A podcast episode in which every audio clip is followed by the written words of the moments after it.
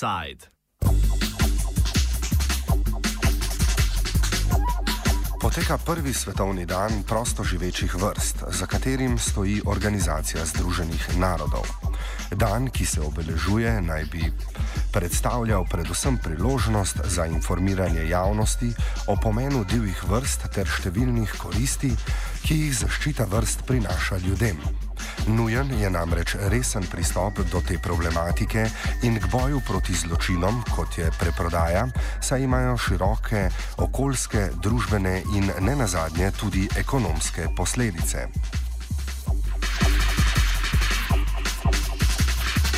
Profesorja, profesorja na biotehnični fakulteti Ivana Kosa smo vprašali, kaj se najbolj pereči problemi v Sloveniji.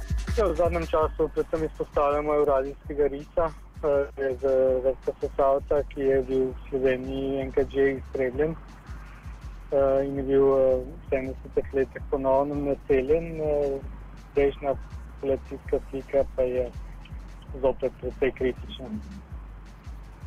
Eh, poleg eh, Evrazijskega risa je pa še kar nekaj drugih vrst, ki so lahko ogrožene, bodi si globalno, bodi si v slovenskem prostoru. Mogoče ob tej priliki lahko še posebej izpostavim eh, dejstvo, da v Sloveniji imamo precejšnje število endemnih vrst, se pravi številne živalske in rastlinske vrste, ki niso znane nekje v drugem svetu in te vrste lahko smatramo generalno kot ogrožene. Kako je pa ocenili v bistvu slovensko delovanje na tem področju Ja, moje osebno mnenje je, da je Slovenija nekje v tej zlati sredini evropskega prostora. Prav, kar se tiče ozaveščenosti glede varovanja eh, posameznih živalskih in rastlinskih vrst. Uh, imamo posamezne dokumente, posamezne gibanja, ker več kot že sto let se zavedamo uh, problema ogroženosti posameznih vrst in uh, so bile sprejete različna etična in zakonska priporočila za njihovo varovanje. Do zavedanja o pomembnosti zaščite vrst pa je prišlo postopoma. V nadaljevanju, ko se razloži sam razvoj tega procesa v Sloveniji. Ja, zdaj, načeloma je, kar se varovanja vrst tiče, oziroma stanja, je bilo v našem prostoru precej kritično obdobje po uh, Mačevski revoluciji, uh, ko, je bila, uh, ko je bilo upravljanje s prostorom precej spremenjeno. Skratka, Eh, po zemljiške odveze se je začelo predvsem mačehovsko ravnanje do posameznih vrst, eh, tudi njihovega prostora. No in že v tedanjem času so se pač začela pojavljati posamezna eh, gibanja, posamezne tudi javna opozarjanja, da je kar preprosto izkoriščanje, iztrebljanje rastlinskih in živalskih vrst je etično sporno in da škodljivo za celotno družbo.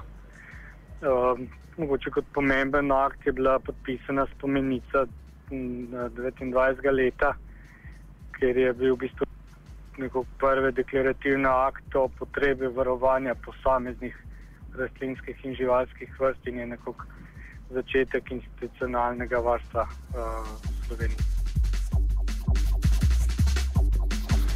Ena največjih težav pri ohranitvi vrst ostaja lov za ilegalno trgovino z živalmi. V Sloveniji kos izpostavlja nepoznavanje ogroženih prostoživečih vrst in se opredeli do učinkovitosti uporabe naravnih rezervatov ter problematike invazivnih vrst. Zdaj, kar se slovenskega prostora tiče, je to pa tudi no, globalno. Jaz mislim, da največja grožnja je nepoznavanje. Na to se ponovadi pozablja, ampak nedvomno, če v bistvu ne poznamo, katere vrste živijo, ne poznamo njihovega populacijskega stanja, potem je uh, lahko ta prezrtost uh, zelo hitro tudi vzrok, da uh, no, vse zadnje lahko celo izgubimo posamezne vrste.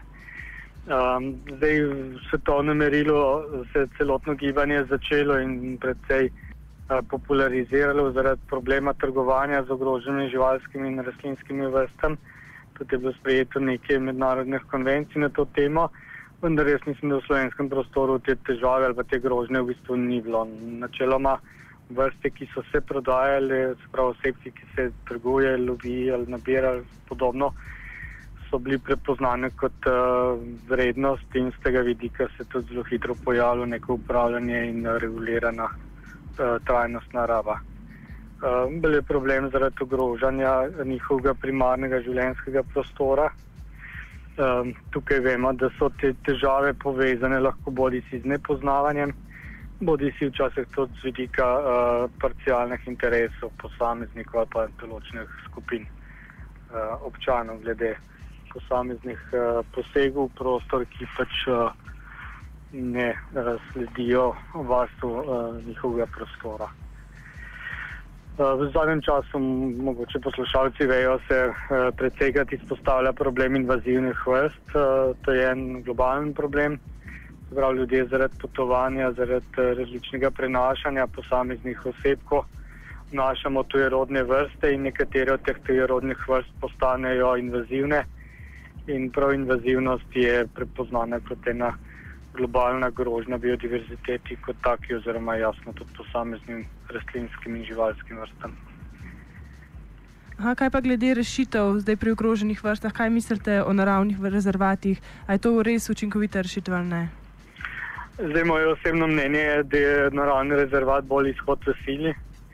Uh, v slovenskem prostoru se je izkazala neka druga opcija, bolj sprejemljiva in sicer gre za zaveščanje in neko trajnostno rabo tudi uh, trajnostno rabo celotnega uh, kompleksnega okolja. Tukaj imam recimo pred očmi gozdove. Gre za to, da v bistvu gozdove kot uh, večnamenska površina v dobršne mere lahko zagotavlja tudi uh, učinkovito varovanje posameznih vrst. Uh, pri rezervatnem varstvu gre v bistvu za nek izhod v sili, gre za to, da je uh, običajno površina, ki jo ljudje tolerirajo oziroma namenijo temu varstvu premehna z globalno ali pa celovito varstvo. Predvsem pa so rezervatni koncept varstva malce sporen zaradi tega, ker ne upošteva funkcije, ki jih pač osebki določenih vrst opravljajo v okolju. V našem prostoru se je razvila bolj neka druga oblika, se pravi gre v bistvu za uh, varovanje vrst uh, ob uh, trajnostnem upravljanju s prostorom in uh, z tega vidika uh, je v naših razmerah, mislim, da bolj realna možnost razmišljanja v to smer. Aha, kaj pa glede invazivnih vrst, ki ste jih, um, jih omenili, uh, kaj se pa na tem področju, uh, kakšne akcije potekajo?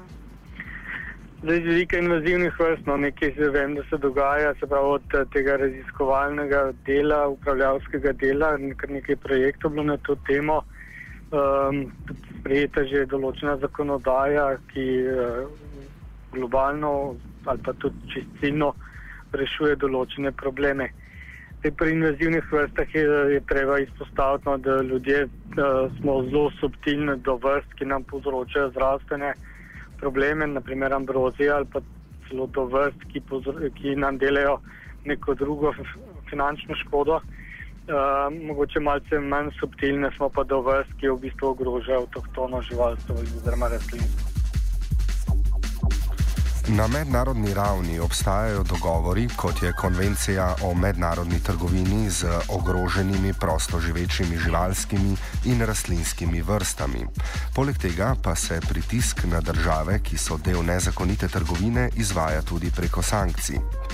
Tako je, na primer, Varnostni svet Združenih narodov konec januarja sprejel resoluciji glede sankcij proti oboroženim skupinam v Srednjeafriški republiki ter Demokratični republiki Kongo, ki podpirajo nezakonite oborožene skupine z nezakonito trgovino z naravnimi viri, vključno z živalmi in živalskimi izdelki. Kos predstavi svoj pogled na zakone in poskuse regulacije tako v Sloveniji kot na mednarodni ravni. Ja, tukaj je precej realističen, se pravi, v bistvu stvari niso idealne, uh, se spreminjajo in tukaj je treba imeti pred očmi, no, da določene ukrepe zahtevajo proces. Se pravi, gre tudi za to, no, da na nek način stroka prepozna nekaj kot pomembno, zakonodaja to uh, transformira v zakone, ampak tukaj je treba delati več na zaveščanju ljudi, da ljudje razumejo, zakaj ničesar se ne sme početi uh, ker potem je tudi uh, nek uh, večji garant, da tega ne bodo počeli. Skratka, en del je vezano na preventivo, na izobraževanje. Zdaj ta kurativa oziroma čisto inšpekcijski nadzor in ukrepanje pa se mi zdi, da dobiva še poseben pomen tam, kjer so stvari res kritično ogrožene in kjer v bistvu je treba celo varovanje, da tu rečem, eh, aktivirati, eh, pospešiti, zaradi tega, ker eh, ta proces izobraževanja kljub samo je proces in zahteva čas. Za konec smo spregovorili še o globalnem pogledu na biotsko raznovrstnost in o tem, kaj so dejavniki, ki so najbolj ogrožujoči, ter kako lahko manjša biodiverziteta vpliva na ljudi. Ja, gre prav za ta del. No. Na eni strani uh, neke ekosistemske funkcije, ki jih pač odvijajo posamezne organizme, se v spremenjenih razmerah spremenijo se pravi, gre lahko čisto za spremembo rabe prostora. Naprimer, eh, če vzamete, da je pričakovana pri nas sprememba dreve, eh, sestava drevesnih vrst v gozdovih zelo velika.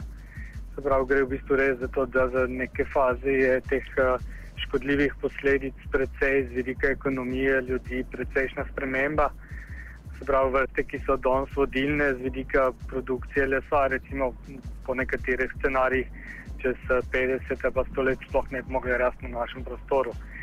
Prav ta zamenjava vrst je nekaj, kar v bistvu smo ljudje z svojo rabo prostora, z kulturo, precej odvisni od določenega stanja in tukaj ja, pričakujem precejšnje spremembe eh, družbene, sociološke, skratka nek drug segment, ki je posledično vezan na spremembo uh, diverzitete v prostoru.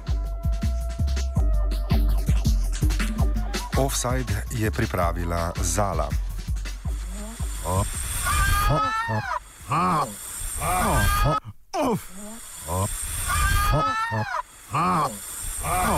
Offside.